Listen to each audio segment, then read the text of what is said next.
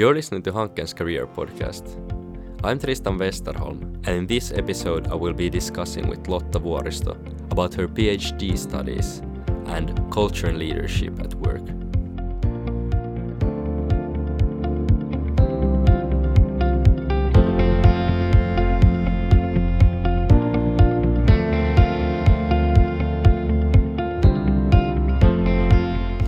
Okay, so it's Tristan Westerholm here again for the recording of, of the Karriärpodden and, and with me today I have the pleasure of having Lotta Vuoristo, the Chief People Officer at Rovio. Lotta, nice to have you here. Thank you, Tristan.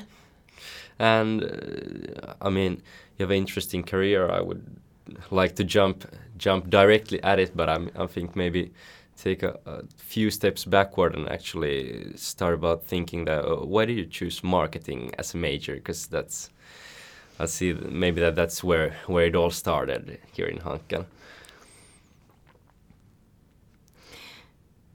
It's an excellent question, and uh, and I don't think I have a clear cut answer for that. It's always hard to go back in time so many years and yeah. then like think what did I really think when I was choosing something.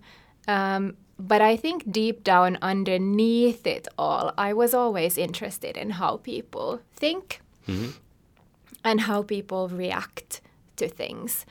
And at that time, or at that point in time, which was um, two decades ago, to be honest, uh, marketing was the closest uh, subject uh, that was dealing with uh, things like that. And only then later on, I got into more into behavioral sciences and so on. So yeah. it was not really main, that much mainstream. Yeah. At, uh, then back back in those days.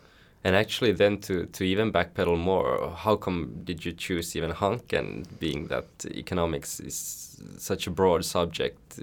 How did you choose as a person interested in persons, assuming that you were back in that days also, how do you choose economics in the first place? I had heard so many great things about Hanken, and then of course uh, CERS was so so the Center of um, for Relationship Marketing and Service Management was was really um, something very interesting what was happening. And of course i looked through a lot of the research that had been done. I would lie if i would not say that uh, professor grönroos also had some some um, some role to play. So i was interested in his research and of course uh, all the other professors and and researchers at at that center center at the time. So so um, so for me, it felt uh, from the get go and from the first days very home like mm-hmm. and and small small atmosphere and a lot of talented passionate people. Yeah, and you actually touched the research subject here and it, how, how did you actually end up continuing to do the research after you had uh, graduated and got your master's here in Hanken? Yeah, so I had always been working basically at the same time as I was studying full time. So, so I had a full time uh, job um, already back uh, during those days when I was doing my master's uh, studies. And then all of a sudden I graduated. And I was like, is this it? Is this the whole thing? Will I never study again? And it was during that spring, I think it was then, uh, back then in, in 2007, when I, I, I realized I'm, I'm too hungry to stop. And would there maybe be a place for me uh, in in academia and, and and start to do a little bit more kind of deep dive? And of course, the master's thesis was something that was um, very inspiring work for me, not necessarily my own work, but reading about other other people's work. And I just got into it, and it was hard for me to stop. And then I thought, like, well, what if I try? And uh, and I, I, I, I started my doctorate studies that way and and then of course that was a long process and Yeah. it had ups and downs and so on but that's how i got into kind of continuing and i thought like i've already worked for so many years that maybe i could take a little pause and and focus on doing uh, a little bit more reading and learning and of Yeah. course the doctorate courses are very interesting and they're kind of like very uh, generalist uh, courses, uh, many of them in a way that will benefit you uh, long into the future, even if you don't necessarily realize it at the time when you're struggling with the courses. Okay, so it's not just about the statistics and, and uh, different, uh, should we say, mathematical methods of, of doing uh, research. In, For me, the pr- most profounding um, thing that happened during the doctorate studies was that uh, I really got to question my own worldview and how I see things and and and the journey was very rewarding in that sense that you start to question how you think about things and that's really all all about kind of becoming a good researcher that you can see, see different perspectives and you can approach things from di- many different uh, perspectives and, and through different lenses and and that journey in itself was very rewarding and and the courses that were dealing with um, ontology and epistemology and these kinds of like ways of seeing the world and understanding what is the truth and what is the described truth and what's the truth underneath the truth and how people perceive things. That was very rewarding and also actually really got me interested into to leadership as well like how we lead others and how we tell things and how we frame things and so on. So so it's all kind of like in retrospect my whole Yes. career is kind of like interconnected even now though it it, was not sense. clear. Yes exactly. Well yeah at least that's the story i tell myself.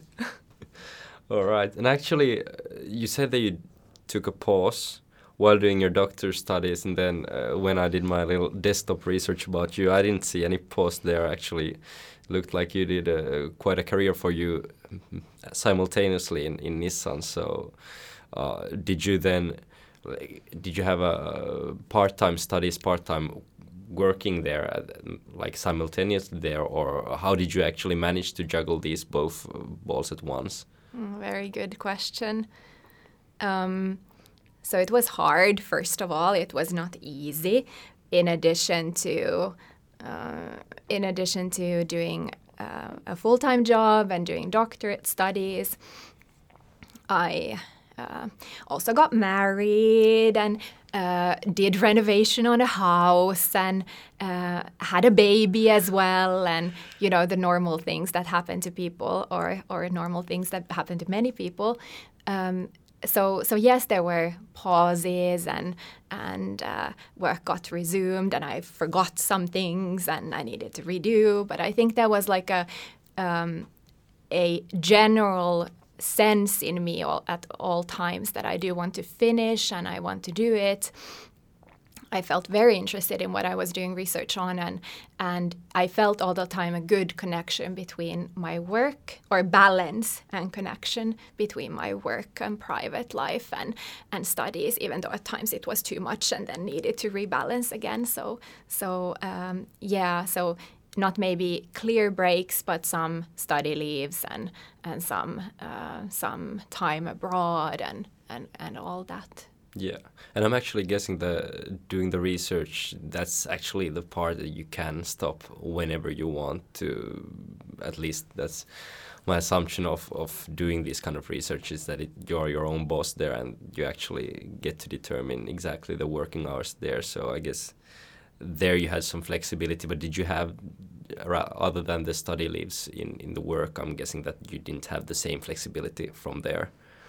Mm, I had very flexible employer, very trusting relationship in that sense that uh, it all balanced out. But I do must say that the studies were more in the nighttime and in the middle of the Wow. night and early mornings and weekends and so on. So maybe the thing that was then less in focus was friendships and hobbies and things like that. So, so not to say that that's healthy for anyone, No. and and thank you to all my friends who who kind of endured, uh, and of course family members as well during all those times. But um, these are the kinds of choices you can't have everything, obviously. Yeah. And, and are you one of those people that just like get along with five hours of sleep or doing these kind of things during night that doesn't seem like there's only 24 hours during a day so do, do you is this your secret or how do you maintain it well, first of all, I don't recommend that to anyone. I used to think that I'm that kind of a person, but nowadays, when I get more sleep, I understand that was not the real me. So that was only because of the circumstances. And I did also get some health issues from that. So, so it was not healthy to live that way okay. and to sleep only five hours and uh, take care of a small, like under one year old baby and finishing PhD at the same time I'm working full time. So that was not not uh, a healthy combination. So um, I think the world has changed uh, very recently, even in that respect, that a lot of the discussions around mental health and physical well being have advanced a lot. And, and this kind of scenario where somebody is like sleeping only a couple of hours and working like crazy is not so much looked up uh, to anymore. And I think that's healthy. And, and I wish I, I would have had more people telling me that uh, back in the days as well. So, yes, definitely not the ideal situation. No. But I guess the so, society's consensus helps a lot in a way that if, if you don't idolize the way of, of living, maybe it's easier not to go on, on the wrong wrong paths, if you want to call them that.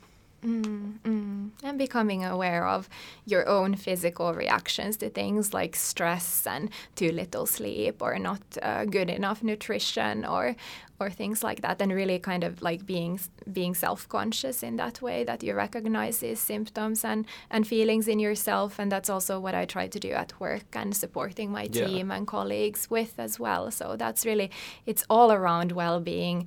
Uh, having that intellectual stimulation can take you far, but then you realize after six or seven hours that you have not eaten anything. So yeah. that can happen when you're really passionate about something. Yeah, and I was actually myself seeing seeing the kind of connection between what we were talking about about previously and, and the, your current job with with actually being a culture or yeah responsible for the culture and the people at, at work do you see any connection? Because for me, it looked like first you were planning sales and planning revenue growth and, and planning marketing and all, all, of these kind of very quantitative uh, measures of, of the top line growth of a company. And then more or less, uh, oh, you took some strategy there in between. I think it was at Kone, and then uh, all of the sudden you were actually just with the people and, and you seem like you haven't haven't looked back ever since. But how did you actually do this kind of transformation,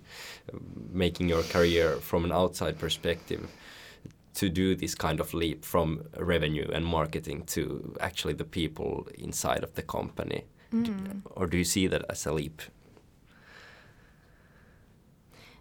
I can see why people think it's a leap. For me, it was always always gradual progression, and of course, the top line and bottom line uh, growth comes from people and the work that we do uh, on a daily basis, whatever our role is and whatever our education is.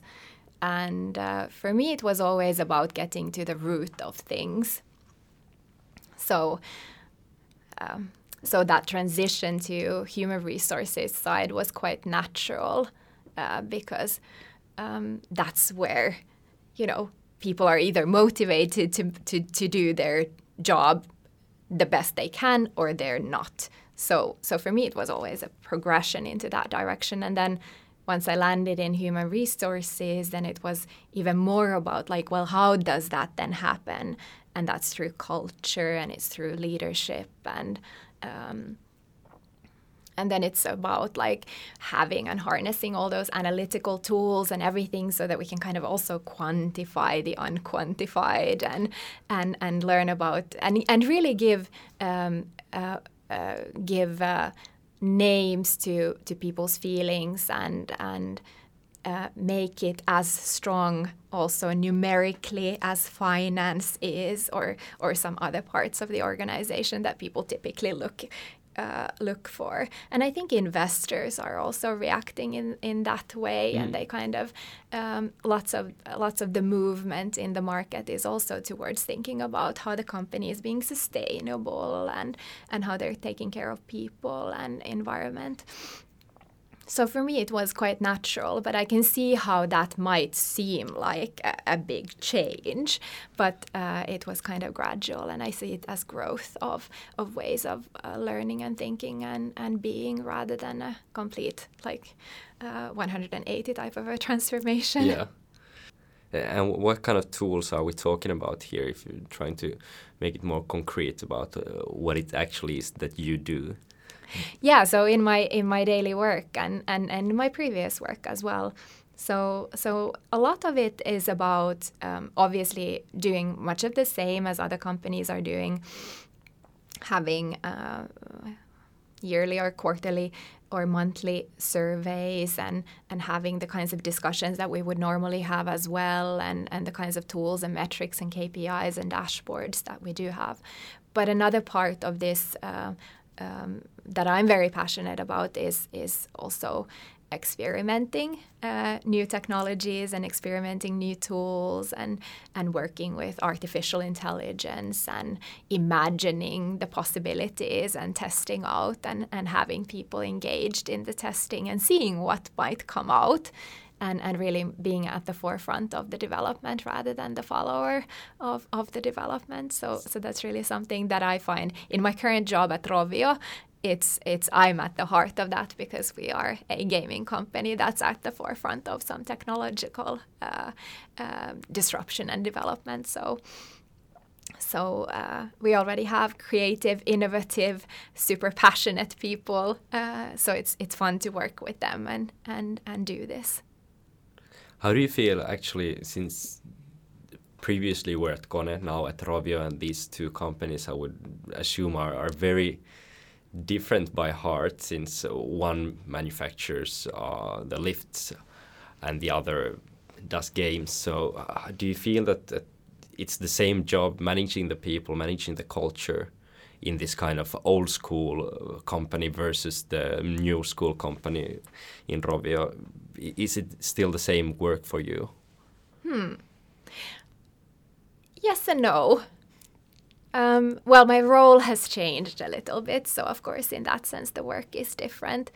Um, I'm a firm believer on subjectivity and, and individualism in a sense that uh, every person is um, it's their own person.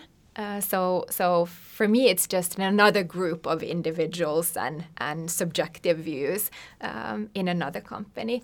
Um, but of course um, there are also some similarities um, between the two companies, which is uh, why I was so passionate about joining uh, as well. That I saw a lot of uh, similarities, which you might not uh, imagine by just by thinking about it, but actually by experiencing it now after a couple of months and having been with the company, there is a lot of, of similar strengths, and and one of those is really this kind of reliance a lot on on teams.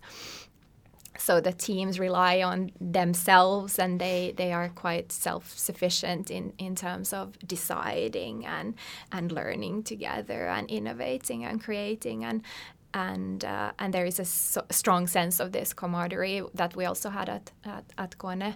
Uh, so so in that sense, both both companies are very strong on this cultural aspect of teamwork.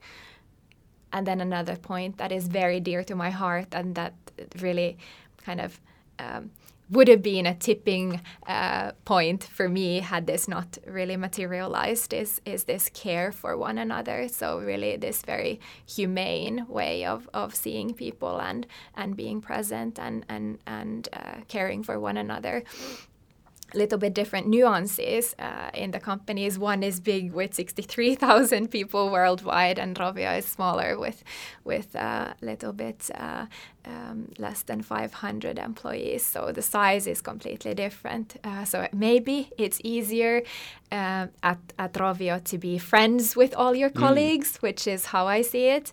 Uh, there's a lot of friendships. And of course, it's also industry related, that that's how the industry got grown, that people were working with their friends and then they went into different companies and then they, you know, uh, ended up in different companies and joined each other's companies. But uh, this friendship is a strong aspect. But I think underneath all of that is this very humane way of seeing seeing people, and I think that's very important. That kind of gives reassurance that uh, I and others will be taken care of, and, and we're in it together, and and and so so that's really important. Yeah. Uh, what about then? Let's see. Do you have some certain KPIs which are on your table, which you are more or less responsible for improving as a people officer? Like, do do you have in the same same way quantifiable objectives in in your work, and then what kind of are they then? Yeah.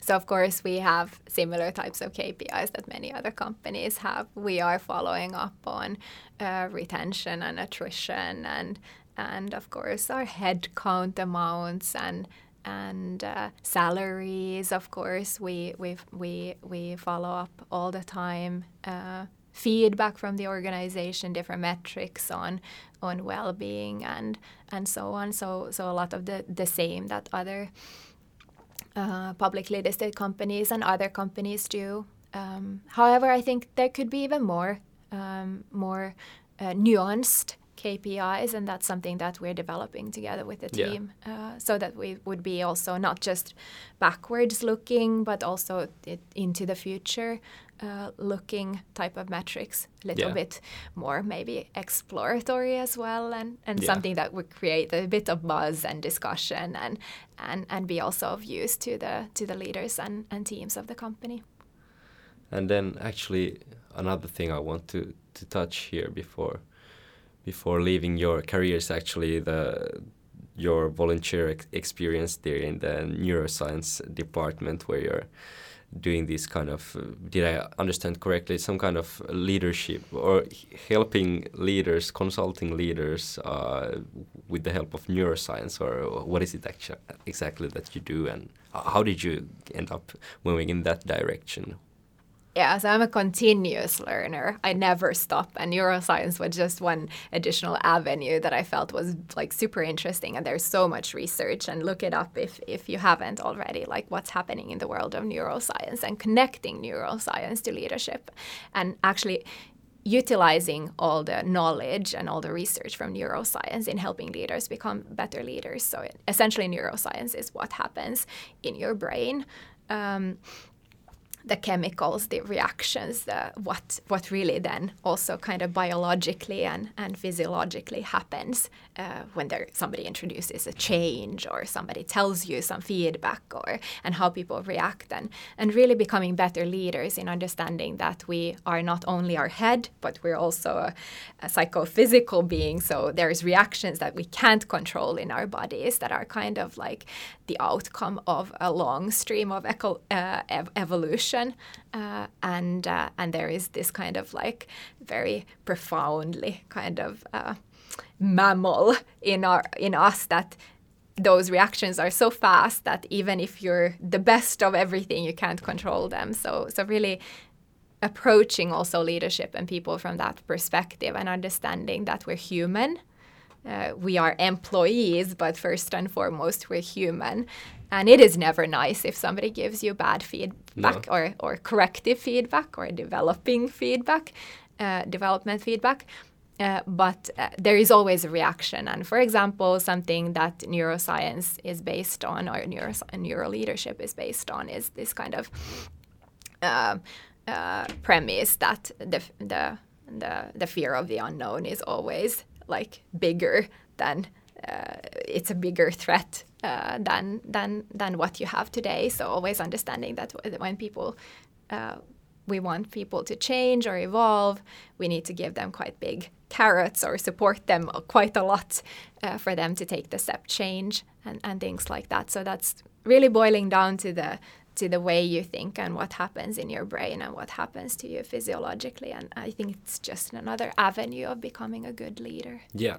and as you're a part of then the neuro leadership was the organization's name or institute exactly in the neuro leadership institute so is this something that is actually not at all a part of your job or do you then uh, take inspiration from should we call it a hobby or your side hustle as, as being this neuro leadership uh, consultant? Uh, do you have any kind of interconnection between those two parts of, of your interest about humanity? It's both. It's both. It's both a side hustle and part of my job. So so uh, actually i completed this uh, this um, this um, supported by kone um, back in my previous position, it was part of leading change and, and developing change leadership at Kone. So, so that's how I got into it uh, originally. Of course, it was my own wish and idea. Uh, and then uh, I've always been lucky to have employers that have supported my growth and development, and I wish everybody would have the same. So, so and we of course do do that too at Rovio. So, so I'm very happy one of my team members is currently also having the same, same at Rovio, having the same uh, now experience of going through the Neuro Leadership Institute uh, framework. So, so, um, so it's just another nugget in the palette, so to say. But um, but it's also a kind of like a side hustle because it's just something that I'm so passionate at and want to develop myself in that if I don't have the hours during my working day, then I will snip those hours from somewhere else. And sometimes it's one hour that I should be sleeping, but yeah. uh, I just get so carried away about reading recent research.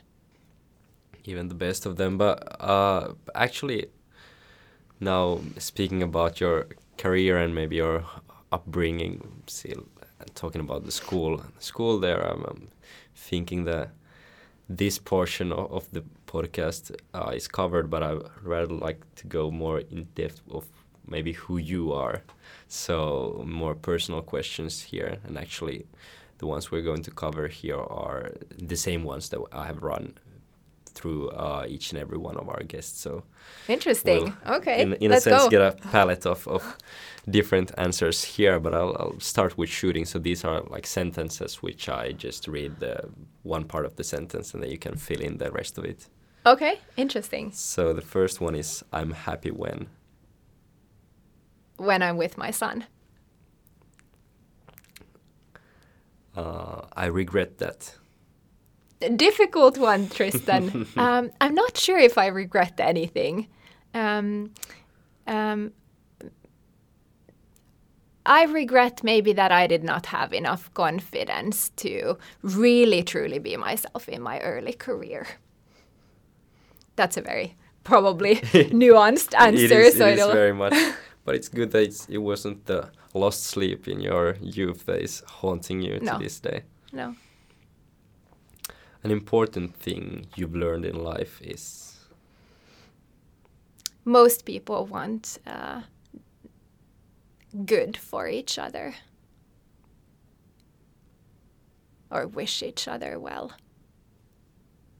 So is it more than does that mean that uh, good and uh, less good people are just less motivated to do, actually act upon their wants or how do you feel about like a good and a better person? Like well, what is the difference between these two? No most people want well for each other um, if we sometimes fail to do it it's because of external reasons like there's no time or there's something else that pressures i think when you create the right type of atmosphere and you give people time and you give them tools and psychological safety and so on most people want the best for each for each other. Uh, and we sometimes fail to see that when we are in a hurry and we think that people are strange and they I think most people are are really good people and and and and want the best for each other.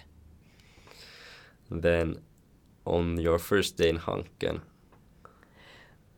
I struggled to speak Swedish. You did? Yes. So are you completely like natural Finnish speaker? Yes. Yes. I learned Swedish at Hanken. Well, you learned good. Thanks.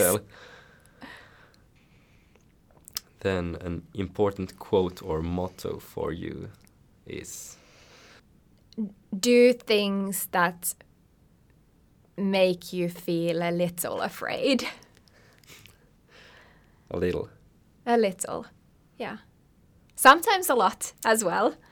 Uh, but I think every day try to do something that makes you a little afraid. That way you're kind of like a bit growing all the time and learning, and and you gain confidence and and uh, and one should not stay too put uh, in anything. And I try to practice that with my child as well. Mm. Like we try something, it might feel difficult first time and still second time, but third time it'll go better. So so that's how we learn and, and just being brave.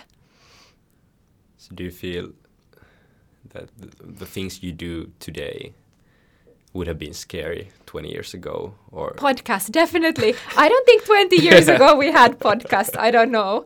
Definitely definitely.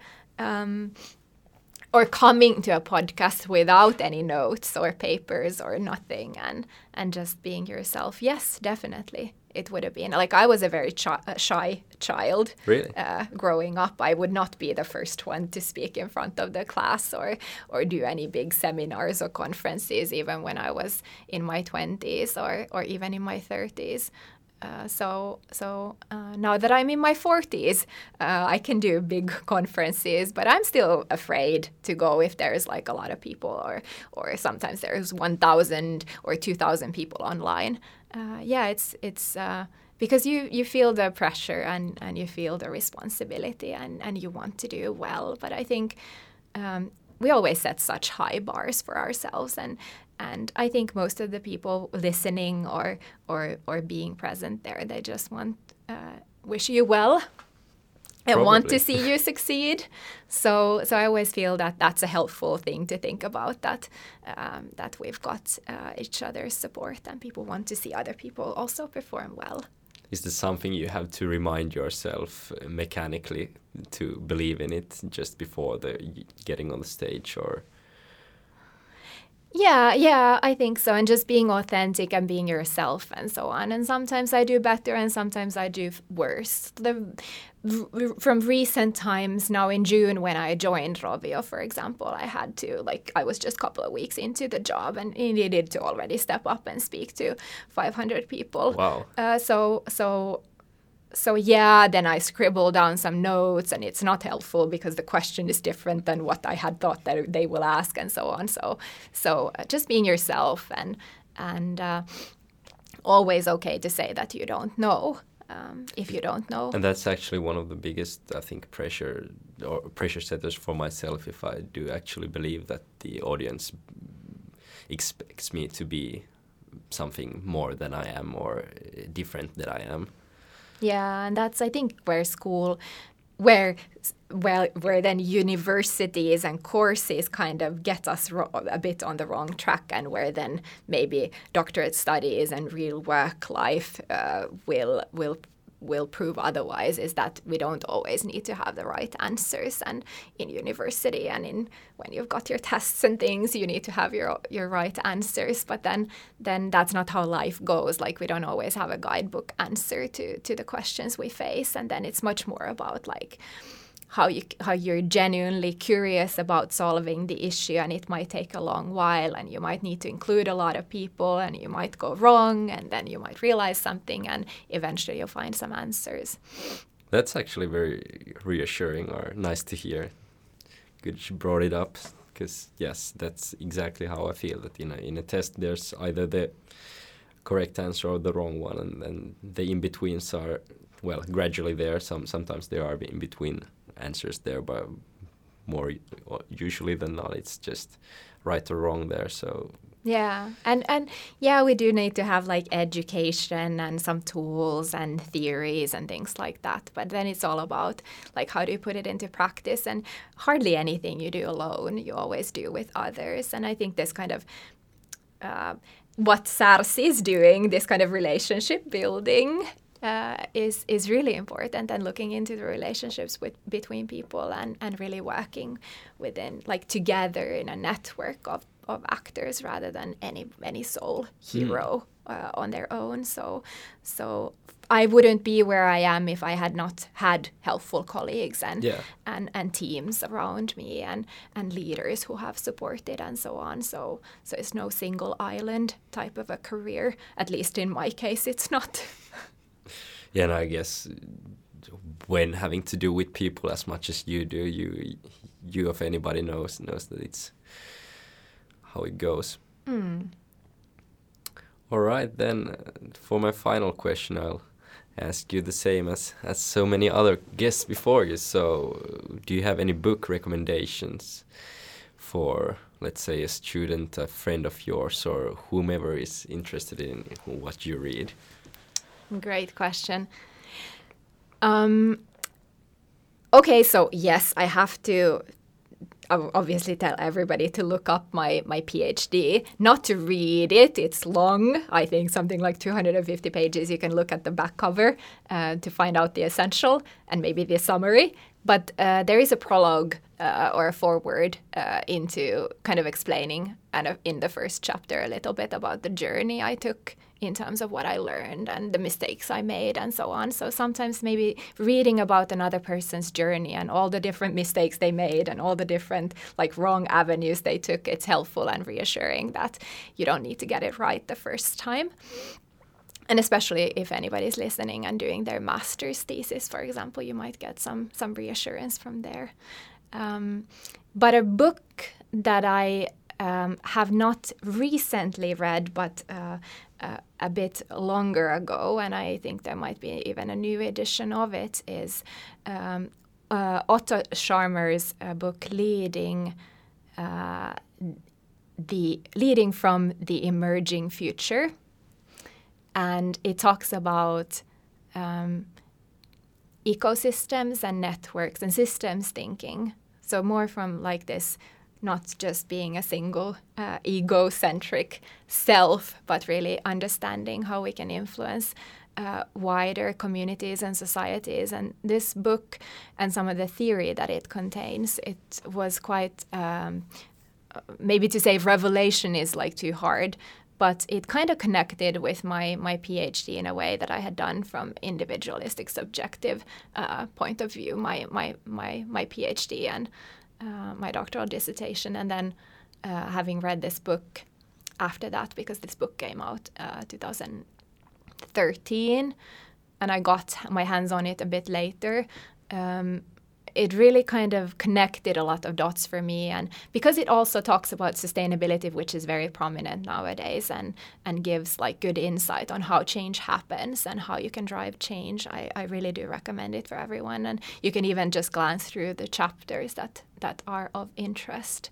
But it's really in, it's really based on future oriented thinking and how you can how change also is is not just about the systems change but it's also about the mindset change. And I, i'm pretty sure there could be like very interesting pieces of information for for all of us. Um, so that's my recommendation. Yeah, and I guess it's highly relevant being in Rovio, which you said was at the forefront or at the forefront in, in some aspects, and also probably in an industry which is uh, like ever changing, and uh, especially changing now. I guess. Yeah, exactly. What you need there. Exactly. So we don't know what we don't know, and the future we don't know. Um, but we can be courageous and we can take first steps and, and we can challenge our own thinking. And, and it's always okay to say in retrospect that I was wrong and I have now new information and, and really linking to everyone everyone else and, and working in this ecocentric um, ecocentric uh, way, so ecosystems and and uh, wider aspects and taking responsibility over the change that we want to see. And with everything that's going on right now in the world, I think this is a very important thing. Yeah, definitely.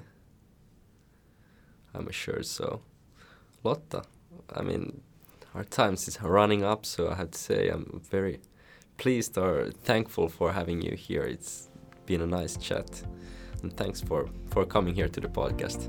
Thank you so much. It was my pleasure. You've been listening to Hankens Career Podcast. I'm Tristan Westerholm, and thank you for listening.